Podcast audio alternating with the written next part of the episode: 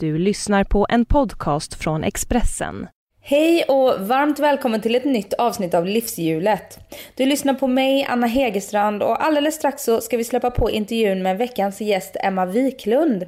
Och den här veckan blir det en återblick då Emma var min åttonde gäst i podden för tre år sedan. Och precis som då så spelade vi in på hennes kontor i centrala Stockholm. Och vill du lyssna på den intervjun så är det alltså avsnitt 8 som finns på Acast, iTunes och på Expressen.se podcast. Även den här veckan vill jag ge dig som lyssnar på Livshjulet möjlighet att tävla om en härlig kryssning med min sponsor Viking Line. Och det gör du genom att gå in på vikingline.se livshjulet. Du väljer mellan en familjekryssning till Helsingfors eller en nöjeskryssning till Åland. Och väljer du familjekryssningen så kryssar du och din familj lyxigt med fartyget Gabriella från Stockholm till Finlands huvudstad Helsingfors. Och ombord finns det helt nyrenoverade lekutrymmen för barn i alla åldrar. Det finns bastuavdelning med barnpool, en toppfräsch taxfree-butik och åtta nya restauranger och barer. Och väljer du istället nöjeskryssningen och hellre vill resa med en vän eller kanske din käraste så är vinsten en kryssning med fartyget Viking Cinderella. Och det är superenkelt att tävla. Det enda du behöver göra är att gå in på vikingline.se livshjulet och berätta varför du vill vinna en kryssning. Och gör det gärna redan nu men absolut senast den 28 juni. Och mig får du gärna följa på sociala medier, på Instagram där jag heter Anna Hegerstrand eller på min blogg på expressen.se Anna Hegerstrand. Och som du förmodligen vet så väntar jag mitt första barn nu i juli. Och för att jag ska få lite ledighet samtidigt som att du ska få lyssna vidare på livshjulet så kommer jag att släppa ett nytt avsnitt av podden varannan vecka under juli och augusti. Och i två veckor till kör vi alltså på som vanligt och sen kommer det att gå två veckor mellan avsnitten under ett litet tag. Nu Emma Wiklunds livshjul, varsågod.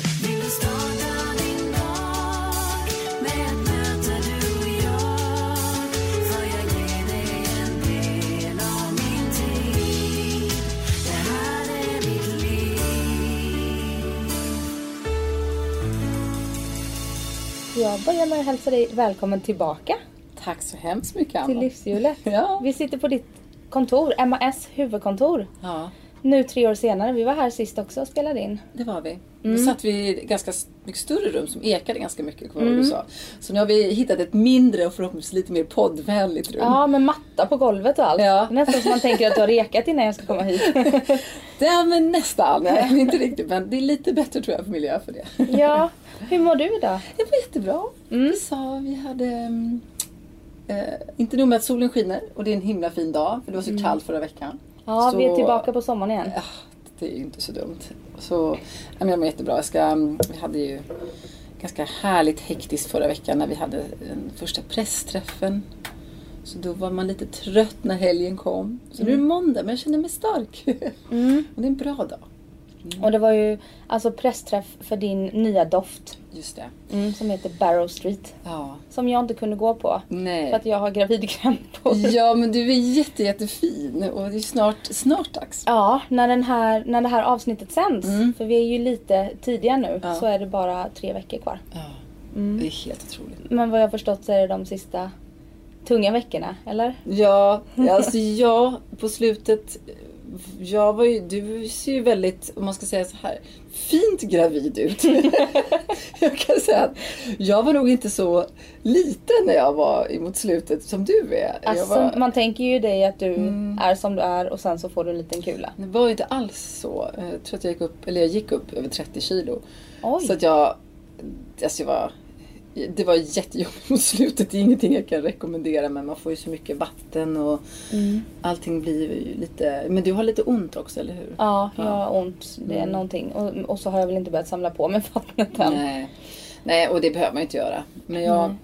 Jag vet inte, jag, jag gick upp väldigt, väldigt mycket och, och det, var, det var svårt att inte kunna sätta på sig skorna mot slutet och såna grejer. Men ja. man blir lite orörlig. Men därför, det är nog meningen också för man är ganska glad när förlossningen väl sätter igång sen. Ja, precis. Att, ah, man är ganska trött på själva graviditeten då. Men det jag tänker, för du slutade ju som modell när du var 32. Ja, och sen blev 30 du nästan. Ah, Okej. Okay. För du, det var ganska kort tid mellan mm. modellandet och att du gick in och, mm. och, blev mamma. Hur var det då att så här, komma från den branschen där allting handlar om att hålla sig i form och se bra ut framför en kamera till att så här, smälla på 30 kilo. Men jag tror att jag kom hem, jag flyttade hem 99 sen så pluggade jag ju lite på universitetet ett år. Så det var ju lite tid emellan. Och så träffade ju Hans och så var vi väl tillsammans. Det var ganska snabbt ändå, ett år. Innan vi sa att vi skulle skaffa barn. Då var vi väldigt, väldigt, ja men det var verkligen planerat. Och, och då, precis, jag var ju 33 precis som du är. Och jag kände mig verkligen redo. Och det var verkligen en, inte alls en jobbig omställning utan jag var ganska klar med modellandet. Jag hade gjort det i ja, nästan ja, 11 år. Rest mycket och liksom de sista två åren känt att nej men nu ska jag sluta snart för nu börjar karriären ta slut. Så det var ganska både komma hem och plugga på universitetet som jag gjorde. Det var en, det var en jätteomställning, verkligen. Men det var också otroligt skönt att få vara hemma, börja få ett normalt socialt liv. För att man reste så mycket innan och, och jag saknade verkligen det. Och få lite rutiner. Så det var... Och det blev ju också sen så när vi bestämde oss för att skaffa barn så hade vi då turen, ska man ju säga, att, att det gick ganska snabbt.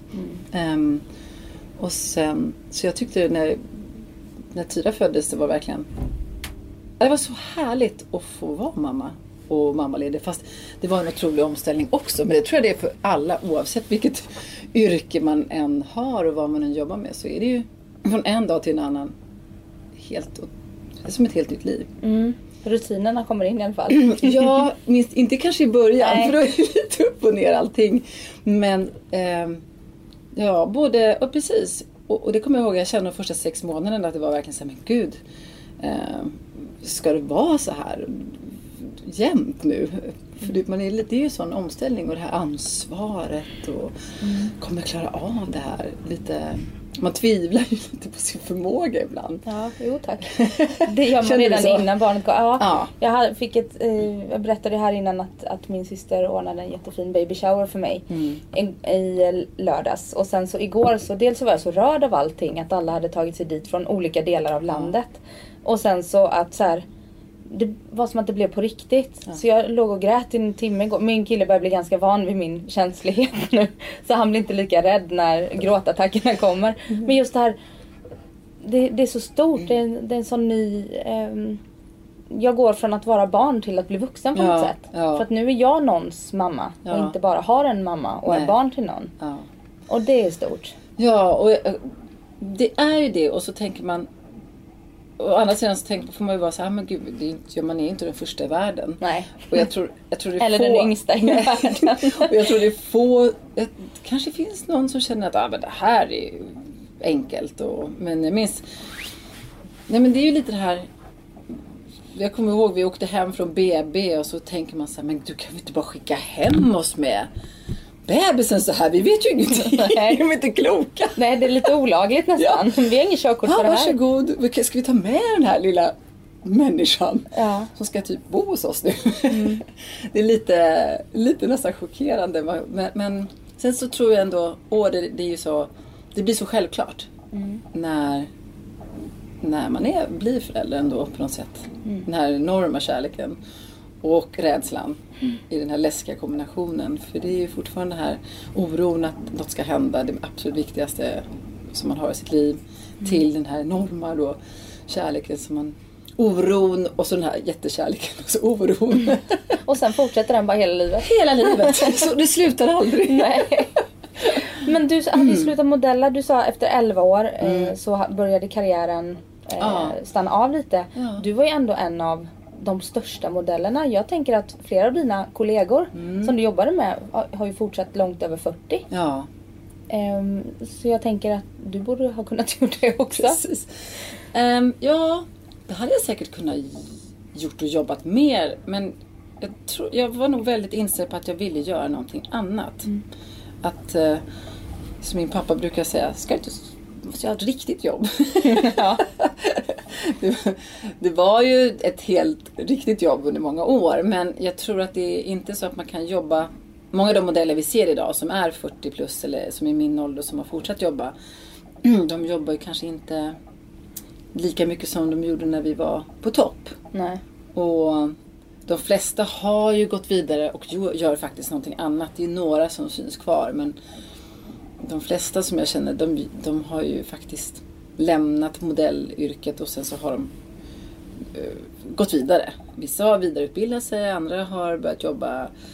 Jag känner någon som har startat en fotografbyrå där hon representerar fotografer. Så man kanske är kvar i yrket på något sätt men man, man går vidare från modellandet. Och jag, jag, nej, jag ville nog inte jobba mer som modell.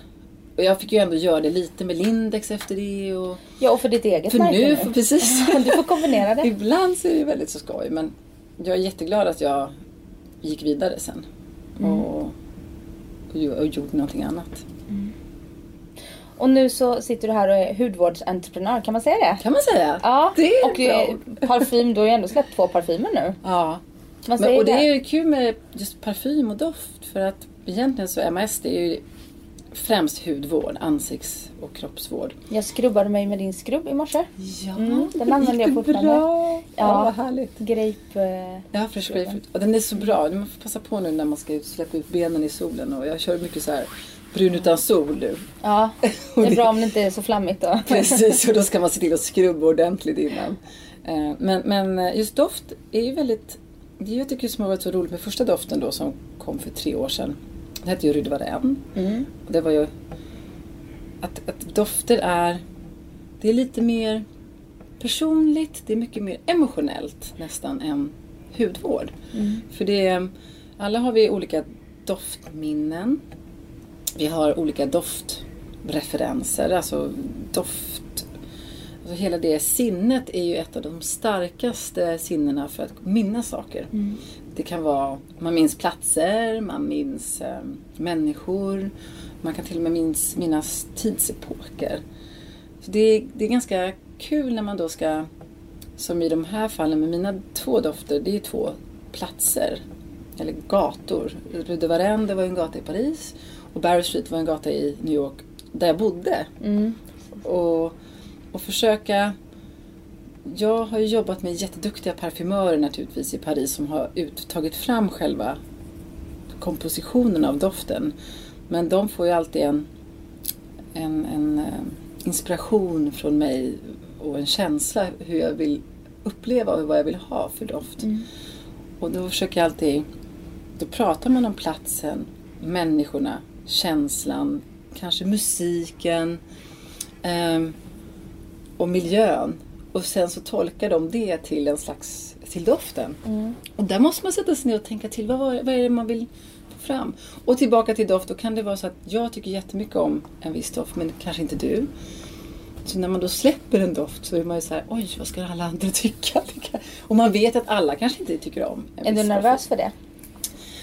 Ehm, nej, jag- så jag är inte så... Ja, det är tråkigt om ingen tycker om doften. Det är klart att det är inte roligt för försäljningen. Nej. Men eh, jag, jag, som med alla produkter som jag alltid gör så måste jag vara 110% nöjd själv. Och det gäller hudvård också. Och då kan man bara utgå från det nästan. Och naturligtvis så har jag ju testat när jag utvecklar med både mina kompisar och mamma och syrran och tjejerna på kontoret och vad de tycker och sådär. Men ja, det är klart att man är lite nervös. Men jag vet också att det finns säkert, som med allting, vissa kommer tycka om den och vissa kommer inte. Och, det jag- är ju så med dofter. Och jag blev så förvånad sist när du släppte din doft. För du, du står ju för det här sportiga, fräscha. Mm. Eh, och sen så var det en ganska kryddig, tung doft. Mm. Och den doften har ju, om man pratar om det här epoker i livet. Jag fick ju den doften när jag var på det presseventet då. Som jag använde den sommaren när jag startade igång livshjulet. Ah. Så jag har ju den liksom. Minnet Ja av den det är doften. mitt minne. Ja. Nu har jag ju inte eh, eh, fått lukta på, på den nya. Det ska du få göra. Ja det vill jag göra. Ja. Men eftersom jag inte kunde komma på presseventet då, den inte har släppts. Och vi kan ju säga det att den släpps 28 juli Precis. i Kicks-butikerna. Ja, vi kommer börja på Kicks och sen kommer det även finnas på Åhléns längre fram i höst. Så det är jätte... Och det, och det som du ska absolut få känna på den. Och sen så... Är den kryddig den här också? Att den här Barrow Street är ganska spännande doft. Vi har, jag har jobbat med en kvinnlig parfymör. Och det finns inte så många parfymörer. Hon heter Chiamala Maison Dieu. Hon är parfymör i Paris sedan tio år tillbaka. Gått den här otroligt kända parfymskolan i Grasse. Um, och när vi träffades och jag berättade om Barrow Street och musiken jag lyssnade på, platsen och lite att jag hade en färg också. Jag, hade liksom, jag vill ha en grön känsla på den, en grön not. Vad var det för period i ditt liv? Um, det här var början på 90-talet. Um, och jag kommer ihåg att jag satt, jag hade en liten studiolägenhet nere i Greenwich Village då på Barrow Street och jag hade utsikt över Hudsonfloden. Jag kommer ihåg att jag satt, jag hade ett stort fönster, jag kunde sitta där och så lyssna på Macy Stars, Halla. Och jag hade alltid en känsla när jag var där, som jag tror många kan känna med New York, att jag kände mig väldigt fri. Och jag kände mig väldigt självständig och stark och som, som om allt var möjligt. New York kan ju verkligen vara en stad som får det att känna så. Kändes som att allt var möjligt, det var liksom bara upp till mig själv nu att, att det mm. skulle bli gjort. Och den känslan, den personligheten eller kvinna eller man, för den här doften kan faktiskt också användas av män tycker jag. Mm. Jag tycker att sätta kön på dofter idag, det ska man sluta med. För att oavsett vem man är, vill man vara blommig så ska man vara det. Vill man vara eh, citrusdoftande man som kvinna så ska man vara det. Jag tycker man ska ta på sig det man trivs med. Och då så sa i alla fall min parfymör att direkt när jag presenterar så vill hon bygga den här kring eh, det här aromatiska gräsrötter som heter vetiver. Och vetiver är jättevanligt i herrparfymer. Mm. Eh, Guerlain till exempel som är ett stort parfymmärke. De har en doft som bara heter vetiver. Jätte mjuk och varm not eh, som är väldigt rund men ändå en bra basnot kallar man det för. Och då kom jag så den vill jag bygga hela doften kring. Mm. Hon ville göra en så kallad Female vetiver som hon kallar det för. Även om inte vi ska sätta kön på någonting. Men en kvinnligare vetiver. Och sen så byggde hon på den eh, som hon har gjort då. Så den har både mycket citrus i mandarin och bergamott och faktiskt eh, rosépepparolja i toppnoterna. Mm, det låter ju kryddigt. Ja, den är kryddig men ändå väldigt fräsch. Ja. I och med att du har citrusen och bergamotten så är den väldigt grön. Och sen så i mellannoterna så har den någonting som heter Angelica Seeds på engelska och som är en kvanne. Det är faktiskt en ganska på svenska. Finns i norra Sverige och även längs med kusterna. En stor grön blomaktig växt med vita blommor och, och, och, där kan man då ta oljan från dessa. De har också en väldigt frisk grön not. Mm. Och sen så har du då lite mysk i den också i botten tillsammans med den här vetiver. Så den är, den är annorlunda från den tidigare. Den har inte lika mycket sötma i den. För den första doften hade ju mycket mer, som du säkert säger då, kryddigare. Vaniljen och patchoulin. Mm. Här är det då vetiver tycker jag och rosépeppar och de här lite grönare noterna och fräschare citrusdofterna. Hur kommer det sig att du kopplar den här sötman då till åren i Paris? Och det här lite mer ja. eh, gröna då till Det är nog platsen. För när jag bodde i Paris var ett litet gårdshus. Just det. Och det kändes mycket mer det hade mycket mer av en doft av trä och Paris har en annan doft som är egentligen tycker jag sötare än New York. Mm. Alltså hela platsen och staden. Jag brukar säga det om man tänker när man går i Paris så är det väldigt mycket så här brända mandlar och vanilj tycker jag, som, mm. och kastanjer. Så hela, för mig så har Paris generellt en lite mer åt det här bohemiska över sig. Mm. Eh, Medan New York tycker jag har mer eh, lite mer androgyn ton mm. och lite mer jag skulle nog säga att man skulle säkert uppleva den här som mer sportigare och mer, mer um, ja, uh, den är, jag, jag, ser de här två städerna eller platserna som ganska olika energier. Mm. Och det som jag ville åt, det var det att jag tänkte, för visst bodde du i Paris innan New York? Mm. Ja, att du kom till Paris, du var ganska ny. Eh, jag tänker att du var lite så mer naiv och osäker och sen så har du kommit till New York byggt upp liksom det här. Mm. Det här är bara mitt huvud. Ja, okay. Det är den bilden jag får av det och liksom lite mer så här eh, kaxigare doft liksom. Ja, och jag, jag, jag vet inte om det riktigt har så mycket med min personlighet hur jag var som person faktiskt då. För jag Nej. hade, det var lite parallellt. Jag ska säga det att just Rue Barrow Street hade jag före jag flyttade in på Rue Eh, så att, eh, för att det är lite komplicerat. Men när man börjar som modell så börjar man att bo ofta i en sån här liten modelllägenhet och man delar och sen så när man har jobbat så kanske man har råd att skaffa sig lite större ställe själv och sådär. Så under den perioden jag bodde på Barrow Street då hade jag en annan mindre lägenhet i Paris.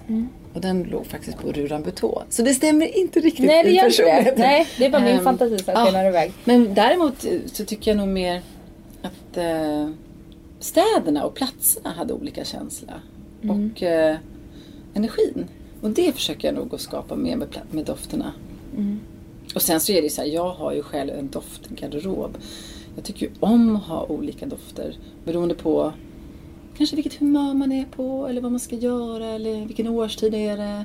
Eller hur man är klädd, om man vill synas eller om man vill vara mer diskret. Det, det, det är därför det är så kul med att liksom ha fler dofter. Och var kommer det här intresset ifrån? För jag vet att hudvården kommer ifrån att du själv hade ganska Mm. dålig hy under åren som modell. Men dofterna då? Alltså jag Du väl... svettades mycket. Nej, då, då är mer deo. en bra antiperspirant ska man ha. Nej, jag tror dofterna... Även hudvård har ju, om de inte är parfymfria då, har ju vissa dofter. Och jag kan... Jag, det, dofter för mig är väldigt viktigt i både produkter. Och jag har alltid, jag tror som alla andra känner, det är roligt och, med parfymer. Så när jag fick möjligheten egentligen att komma i kontakt med den här första parfymören i Paris och, och vi satt och pratade om, ja men jag sa alltid vad kul det vore att göra en, en riktig doft från början. Och egentligen så var det nog mer att, ja men vi, vi, vi vad kul att kunna ta, visst det, vi gör den här doften och så får vi se hur det går. Och vi var verkligen så här, det var inte våran huvud, det var inte mitt huvudspår utan hudvården är verkligen det. Så vi, jag tog fram Brud Varenne och så lanserade vi den.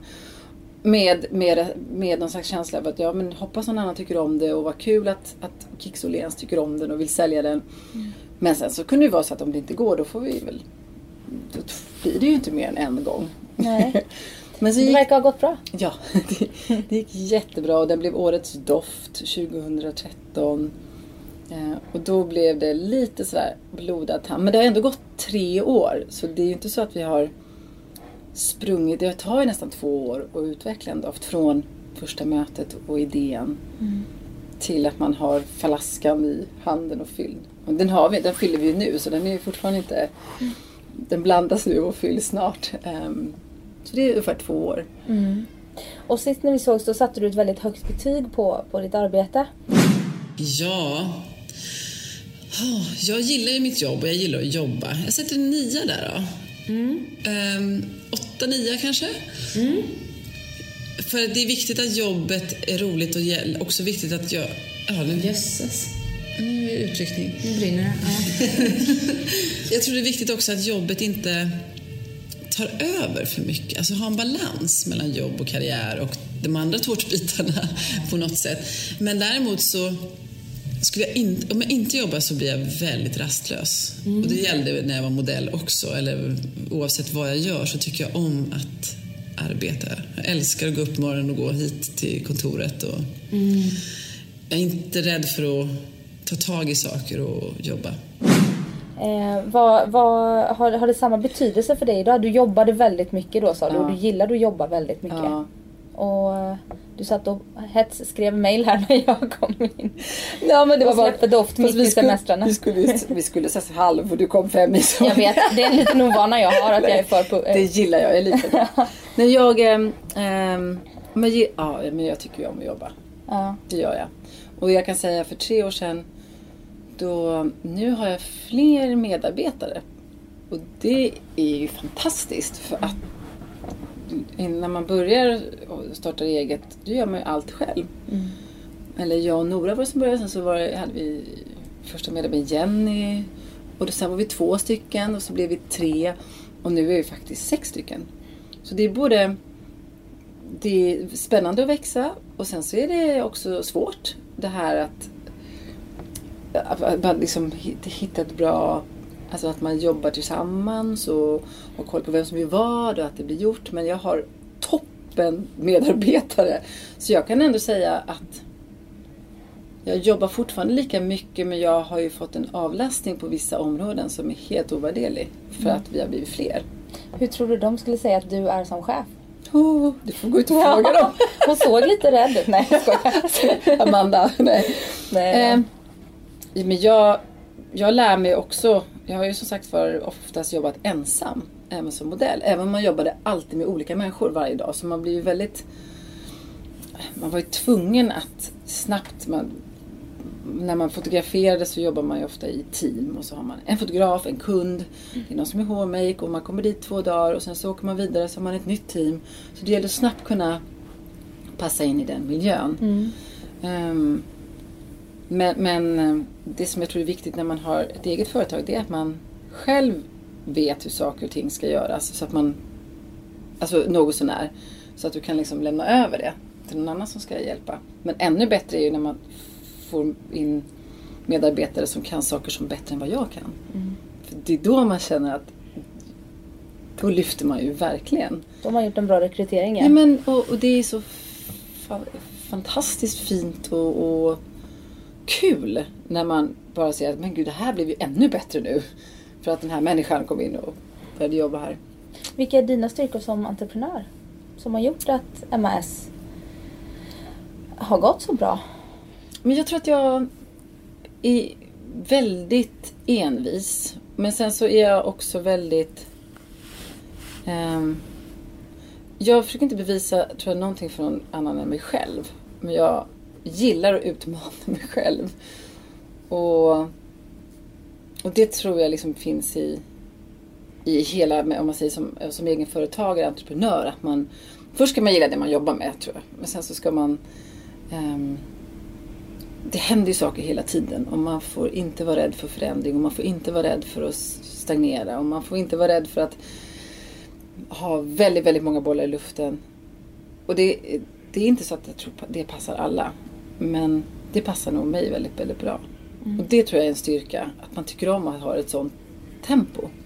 Du har ju aldrig haft ett 9 till 5 jobb liksom. Va- vanligt jobb som din pappa då skulle kalla det. Riktigt jobb. Riktigt jobb var det. Nej, det har jag, nej, inte...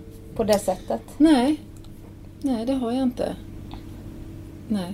Och vad, och vad tror du Emma, MAS är om, säg 10 år då? Ehm, oj. Jag hoppas ju att vi finns i fler länder utanför Skandinavien. Att vi har vuxit ehm, ehm, både så, alltså, att vi, det skulle jag säga att vi har ett större sortiment kanske inom fler områden. Att vi finns eh, på fler marknader förutom den skandinaviska. Det tycker jag vore jätte, jättekul att se om tio år. Och innan dess helst. Inom fem år kanske? ja, det vore inte dumt. Nej. Och eh, även om man gillar att jobba och sådär så handlar det ju om att få in den här balansen i livshjulet med eh, andra bitar också. Precis. Eh, tycker du att du är bra på det? Ehm, inte alltid. Eh, det finns ju perioder när det, det liksom kör ihop sig som vi pratade om innan du kom här. Att man märker ju när man har jobbat i alla fall i sex år. Så jag lär mig varje år också vilka perioder nu när man har gått sex år är det som brukar vara ganska intensiva och vilka är det som brukar kanske vara lite mer lugnare. Så då tror jag är bra att när man har de här intensiva perioderna så vet man det och, och man planerar för det. Och, och, och sen så får man se till att den här, när det är mycket att göra, att de inte blir för så hela tiden. För då klarar jag, det klarar inte jag i alla fall. För då, ja, då blir det stressigt och då, då blir man inte konstruktiv och så blir man inte bra varken på arbetsplatsen eller på hemmaplan. Och jag, jag vet det, det var som de pratar om man har det var min terapeut som jag pratade med som pratade om när det var som stressigast. Som, som förklarade för mig, ja men man har tre stycken cirklar. Det här tror jag är väldigt vanligt, att stresshantering. Och den ena är familjelivet och den andra är jobbet och den andra är personliga livet. Och de tre ska vara i ganska bra balans. Så det är inte alltid att det är den ena eller den andra som gör att det blir stressigt utan att man inte hinner med det ena eller det andra. Nej. Då blir man stressad. Så det gäller att man hela tiden försöker Om man känner att ja, men nu är det bara jobb, då är man ofta stressad för att man inte hinner med familjen eller för att man inte hinner med sig själv. Då gäller kanske att, ja, men då måste jag kanske planera lite mer tid och rensa lite i jobbdelen. Och verkligen eh, och det är inte alltid det går men det är ganska bra att komma ihåg det ibland. När man tycker att det är lite för mycket. Ja, precis. Det är svårt när man är egenföretagare. Ja. Att, Och du är, du är ju också det. Så att Ja. man kan ju jobba jämt men det är, det är inte det man vill heller. Nej, hur kul det än är så dränerar det till slut om man inte får eh, in det andra. Ja. Liksom. Och, och hur, precis, som hur roligt det än är så... Det... Jag skulle inte vilja jobba jämt. Jag tycker inte det är en bedrift. Jag tycker inte... Jag gillar att jobba mycket. Men det här... Den som har jobbat mest vinner. Det, det tror inte jag på. Nej, det är synd att det är så i samhället. För det är ju, Ja. det är ju, man premieras och, när man jobbar. Ja. Liksom. Det är nästan som att så att det är trendigt att ha varit utbränd. Ja, Så kan jag känna det så? ibland. Ja. Har du känt så att du... Eller känner du igen eh, tecken hos dig själv när du har jobbat lite för mycket och fått lite för Ja. lite av det andra? Det gör jag faktiskt. Det, det kan vara allt ifrån att man sover sämre och man vaknar och har mycket i huvudet mitt i natten till att man eh, har lite kort stubin. eller, ehm, men, men det kan vara lite olika, det tror jag alla känner igen. Och, så, och det gäller ju att se de där tecknen och, och fånga upp att ja, men nu är det och veta varför. Och sen så tror jag man det är så mycket man vill göra. Jag tror framförallt det är så mycket man ska ha som, som jag har fått träna och släppa saker. Ja, men det är okej att det inte är perfekt hemma. Det är okej att, åh gud nej jag har inte hunnit, äsch, han inte köpa det när vi ska ha utflykt imorgon. Det skulle vara matsäck. Ja men kan ni köpa någonting nu på Konsum? Ja. kan, ni bara ta. Ni Nu är våra barn Ja. stora så de kan ordna sånt själva. Men, ehm, men lite, lite där också, jag vill ju också hinna med till exempel barnens aktiviteter och så mycket jag kan och vara med. Och det gäller också att planera för att det är inte roligt om man inte får göra det heller. Nej. Ehm, då missar man ju den biten och det är ju trist. Det är ju... Så att, nej men om det blir lite stressigt och det är framförallt om det är jobbrelaterat då prioritera. Det som, när barnen var mindre, så det som fick stryka på foten det var ju mycket kompisar och det sociala. Eh, det kom- Ja, dina kompisar. Ja, Mm. för det blev mest fokus på, just när vi startade MAS. Då man jobbade ju verkligen, det var så mycket nytt också. Och barnen var ganska små. Då blev det inte så mycket socialt. Nej. Utan då blev det mer, Hur är det idag då? Mm. När barnen är lite större. De är 14 och 12. Ja. ja. Och MAS 13. rullar på. ja, nej men det, jag tycker faktiskt det blivit bättre. Och träffa mina väninnor framförallt och så det har faktiskt blivit bättre. Och jämfört med när barnen var jätte- jättesmå och var precis i, i, i startgroparna med företaget. Men det tror jag också är viktigt. Ska man hinna... Det är viktigt att träffa sina vänner också. Och fylla på med energi som du träffade på din baby shower. Ja. Man blir så glad. Men sen så är det kanske perioder i livet också när man... Det blir svårare. Mm. Att de har kanske också små barn och, och jobb och pussel och liksom ska få ihop allting. Och man ska träna och man ska hinna med ehm, olika projekt och till slut så kanske man får, ja men jag kan inte göra allt just nu. Nej, Men- och på något konstigt sätt upplever jag med många som jag pratar med Mm. Eh, så är det vännerna som får stryka på foten. Sig själv också. Mm. Eh, sina egna behov och vännerna. Men sin partner och kärleksrelationen tar man ansvar för mycket mer Mm. än sina vänskapsrelationer och relationen till sig själv. Ja, men det är det och framförallt när man får barn så är det ju ehm, man blir ju definitivt inte prio ett. Nej. Det, det blir man inte. Och det, men det är också bra och nyttigt att inte var det. Um, framförallt när man får, som du då, helt nyfödd som är totalt beroende. Mm. Ja, då, då måste man tänka om ju. Men idag, du har ju, det som har hänt också sen, sen sist vi såg är Ja. att du har gått och blivit tonårsmamma. Ja. Och också en tjej som är tonåring. Ja. Jag vet ju bara hur jag själv var. Hur var du när du var tonåring? Ja, min, jag- den, min tonårsperiod varade från jag var 12 till 22. Så min mamma hade att göra kan man säga. Jag var en jobbig tonåring. Ja. Eh, men, men, Men det gick bra för dig ändå. Ja, det gjorde det till slut. Du brukar ju göra det liksom. Vad tycker du är de största utmaningarna med att... Eh, för hon har ju gått från barn till ung Ja. vuxen. Mm. Nej, men alltså, jag tycker det är, jag tycker ju det är, vad ska jag säga, jag tycker det är härligt också. Jag tycker det är jättekul att barnen har blivit större. Det är, och det här att de helt, kommer jag heller själv ihåg när man gick i högstadiet. Jag tycker inte det var alltid den roligaste perioden i mitt liv. Nej, det var hemskt. Så jag tyckte också att det var ganska så här. Jag tycker det var kul igen på gymnasiet och då fick jag lite roligt igen. Men just sjuan, åttan, nian. Mycket hormoner och det är mycket viktigt det här med kompisar och, och, och då, så var det ju när man själv gick i högstadiet. Så att jag, jag tror det, det. Man får komma, försöka komma ihåg hur det var själv. Och sen så tycker jag ändå att det är jätteroligt för de blir vuxna. De argumenterar, de har sina åsikter. Det är inte alltid likadant som man själv har. Då får man ju ibland då nypa sig i armen och i benet och bara, nej men så. Man ska inte hålla på och pracka på sin egna. De måste få skapa sig sin egen sanning. Och, Så det blir lite den här... eh, det finns en bra bok, jag tror det är Jesper Juhl som barnpsykolog som har skrivit en bok som det finns en bild på framsidan som jag tycker är så himla bra. Där är ett barn som flyger upp, högt upp i luften. Och sen så, så har, som en drake. Och sen så går det ett snöre ner till föräldern som håller i. Som har flygen drake. Och den är så talande för det handlar om någonting så att de ska känna sig som de är fria. Men man måste ändå hålla efter. Och vara vuxen. Och liksom på något sätt guida. Och, och det är inte alltid man är överens om olika saker. Så att man, nej, det, men, men jag tycker, jag tycker ändå att det är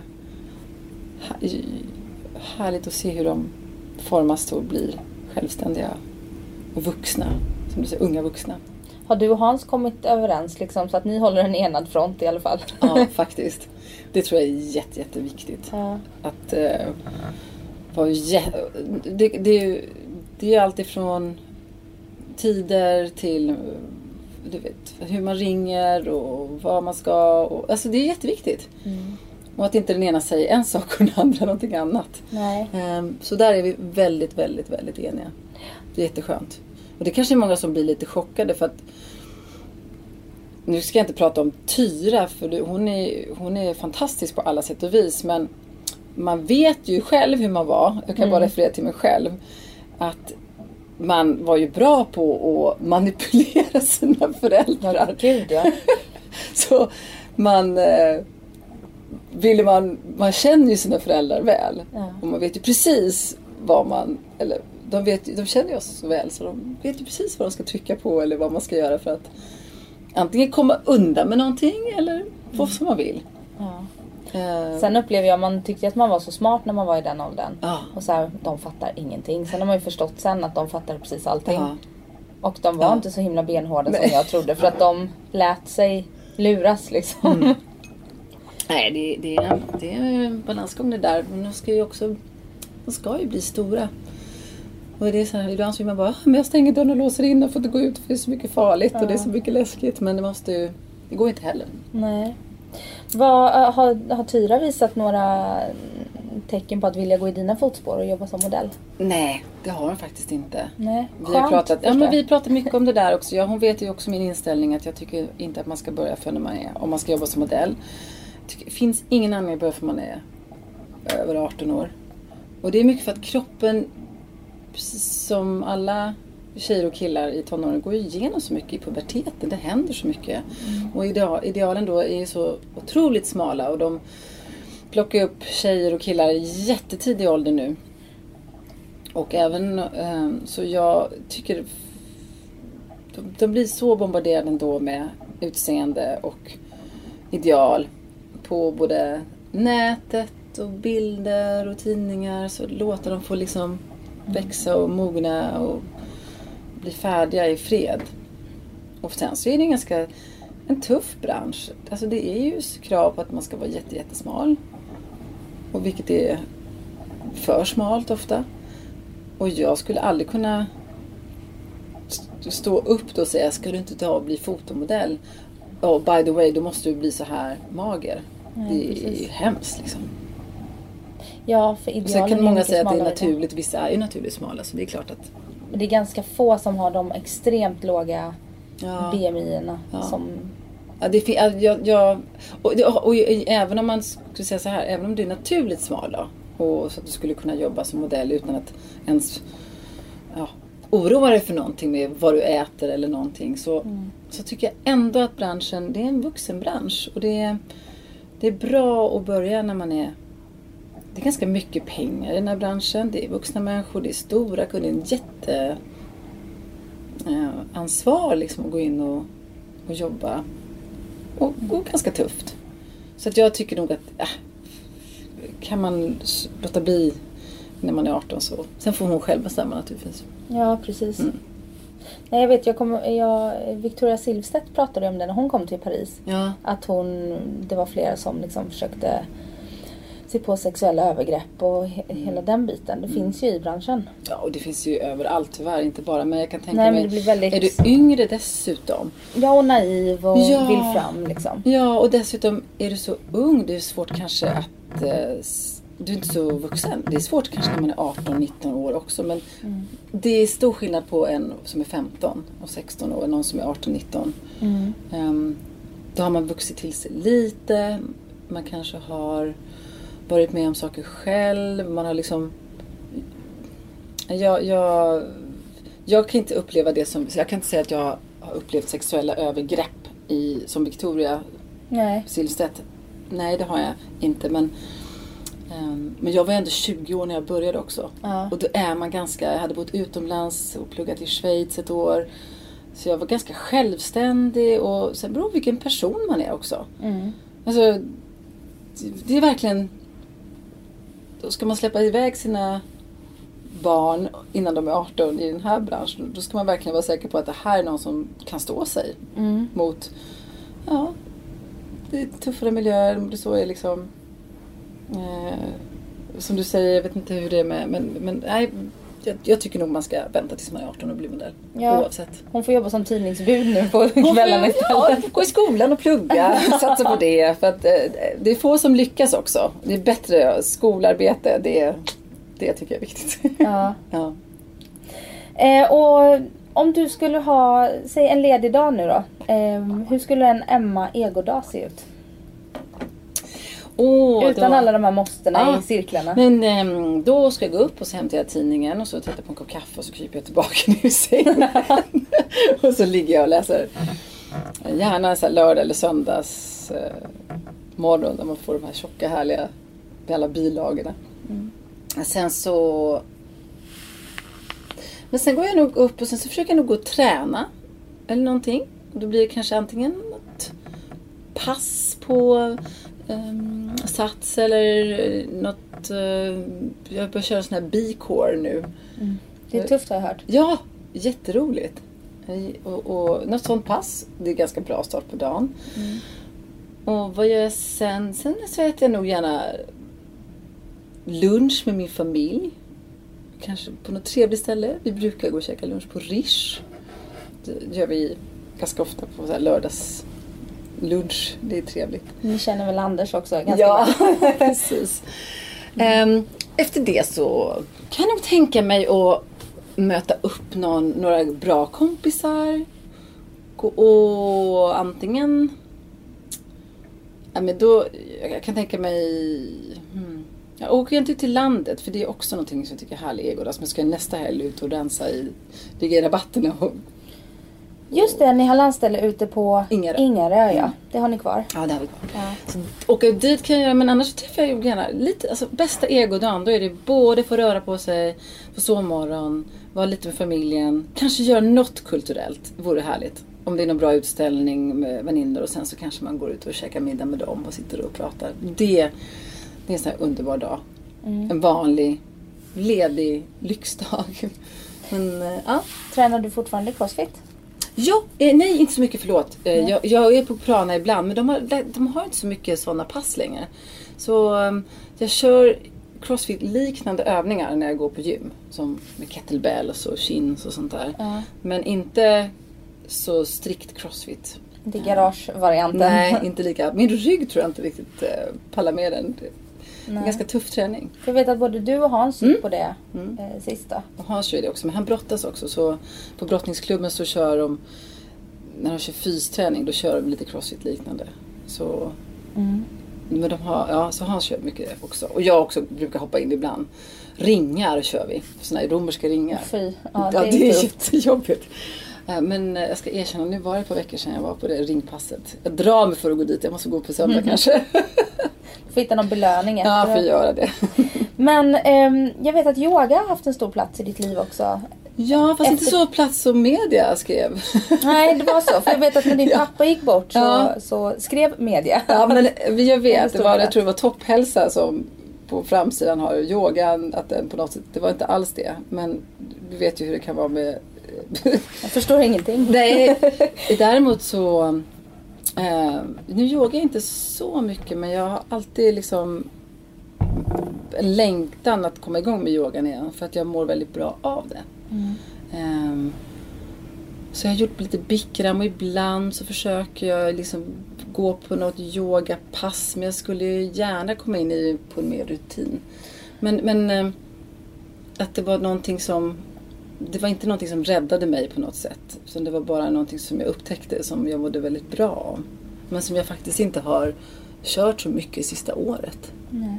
Det ska jag vara ärlig med. Det- jag känner igen det där precis. Mm. Jag, för jag går gravidyoga nu. Ja, Och jag har varje gång jag börjar yoga så blir jag sådär, får riktig energi och tänker nu ska jag bli sån här yogamänniska.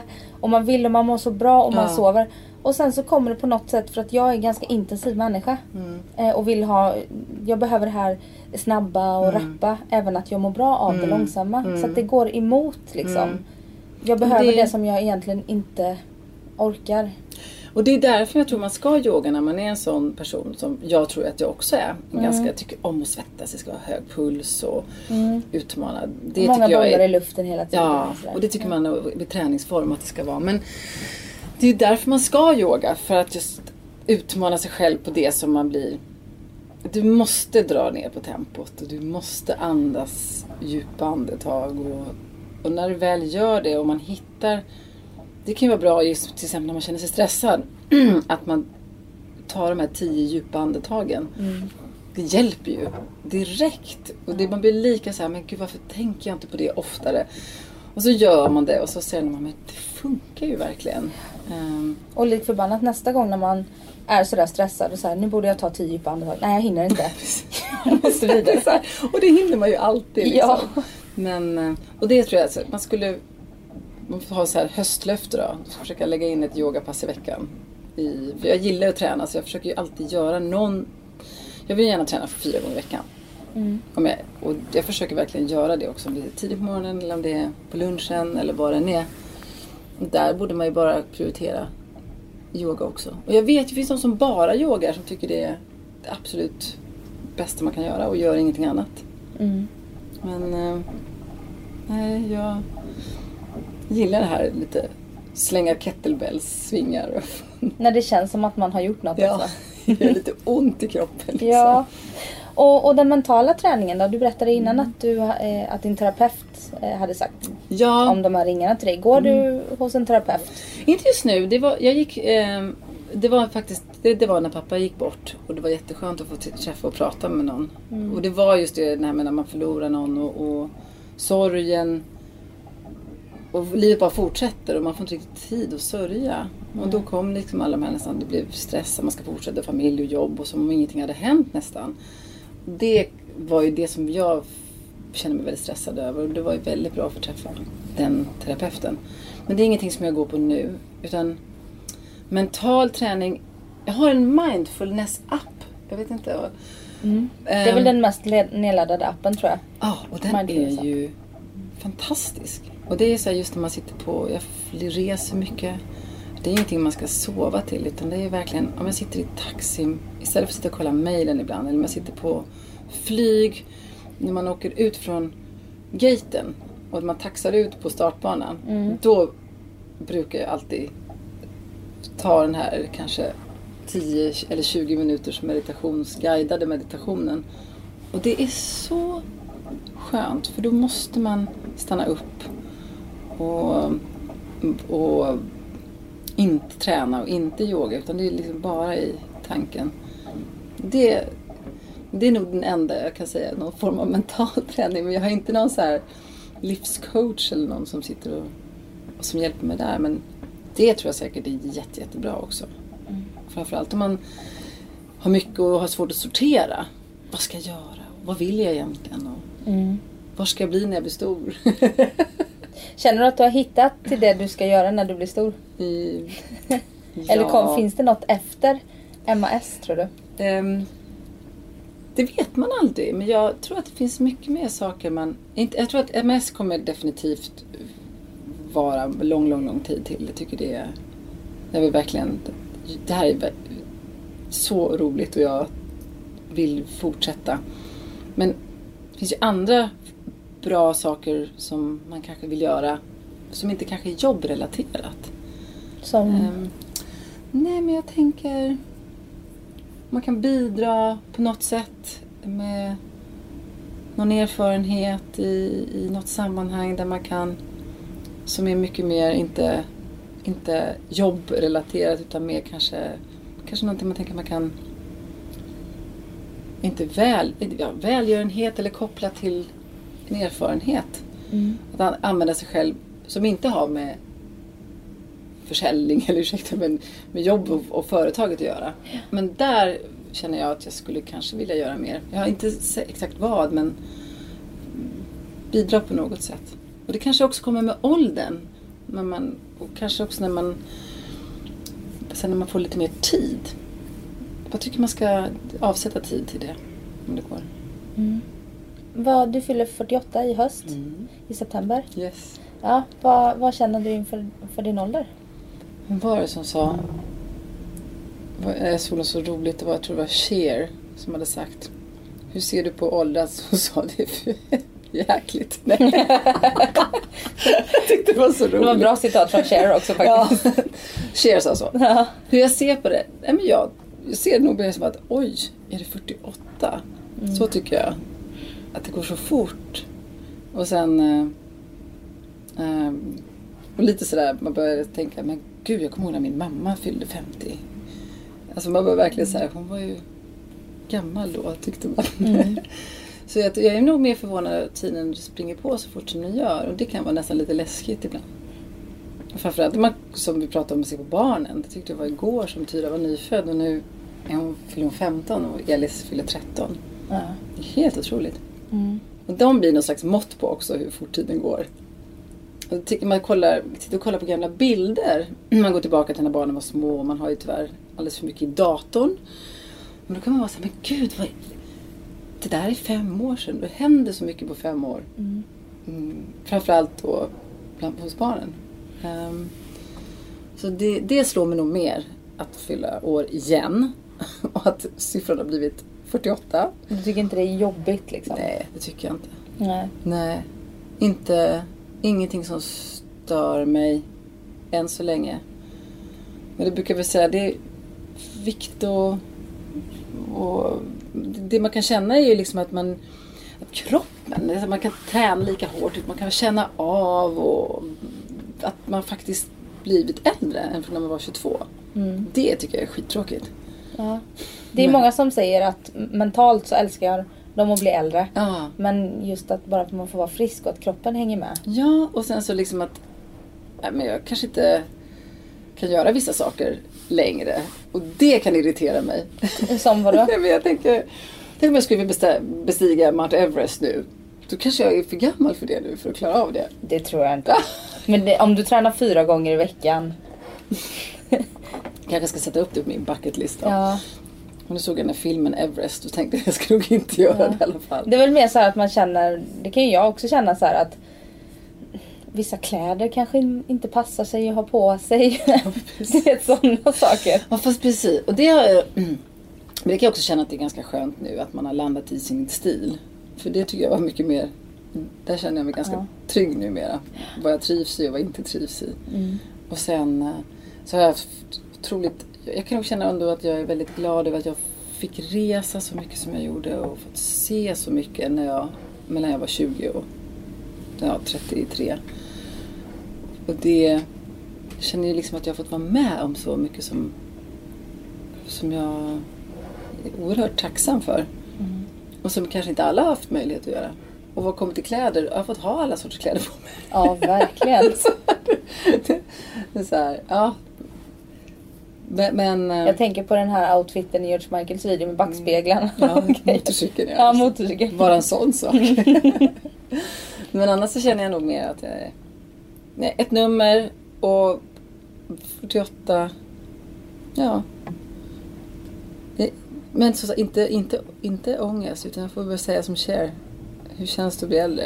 Är för jäkligt. Nej. Ja, det är en bra rubrik om inte annat. Nej, för det får du säga. Det var Cher. Jag skojar. Nej. Nej, jag, har Ja. inte, jag har ingenting emot att bli äldre. Nej, Nej. nej. Och eh, hur ser sommaren ut nu då när, när det är lansering mitt i sommaren och semestern och så? Ja, nej men jag, vi ska, jag ska jobba här i juni och sen ska vi vara på landet och så lite Gotland. Och sen jobbar jag lite också i juli. I och med att vi har lanseringen precis där sista veckan. Bor ni kvar? För ni har lägenhet i Ja, stan? vi bor kvar i stan och så sommarställe Ja. på Ingarö. Så då, och sen så, vi kommer inte resa bort den här sommaren. Vi kommer inte åka utomlands förutom till Gotland, det är nästan som utomlands. Men annars så stannar vi och, så det blir mer ner till Småland till mamma. Mm. Eh, på, på min syster. Bor de kvar i Huskvarna? Ja. Ja.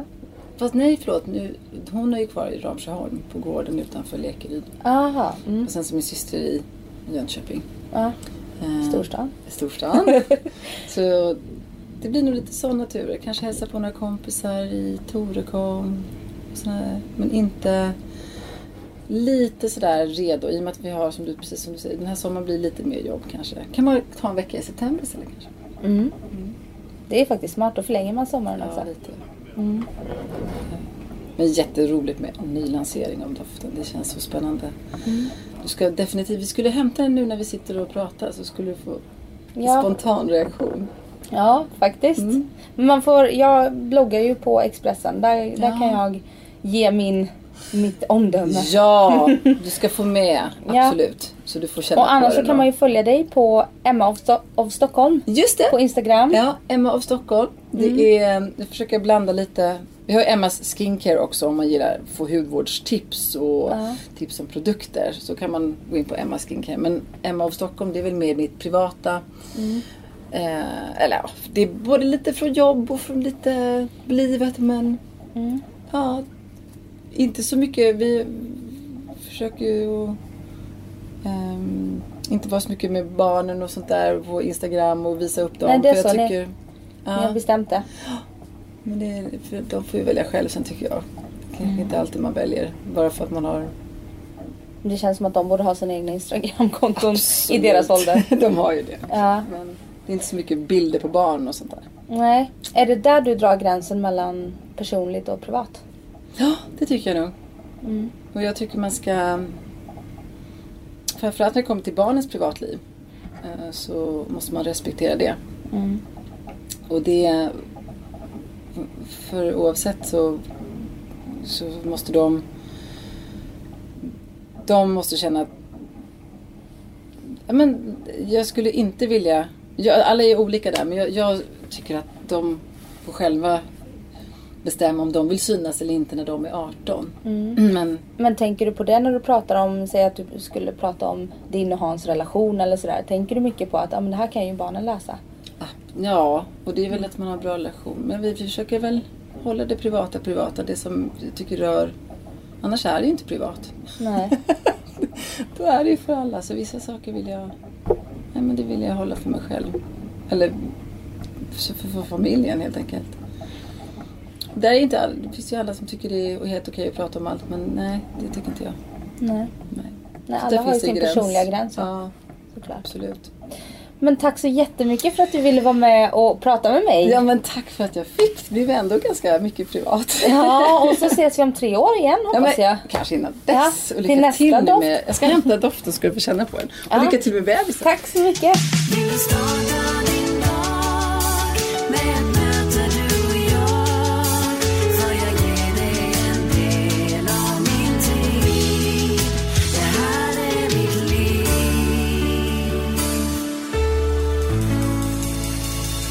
Du har lyssnat på en podcast från Expressen. Ansvarig utgivare är Thomas Mattsson.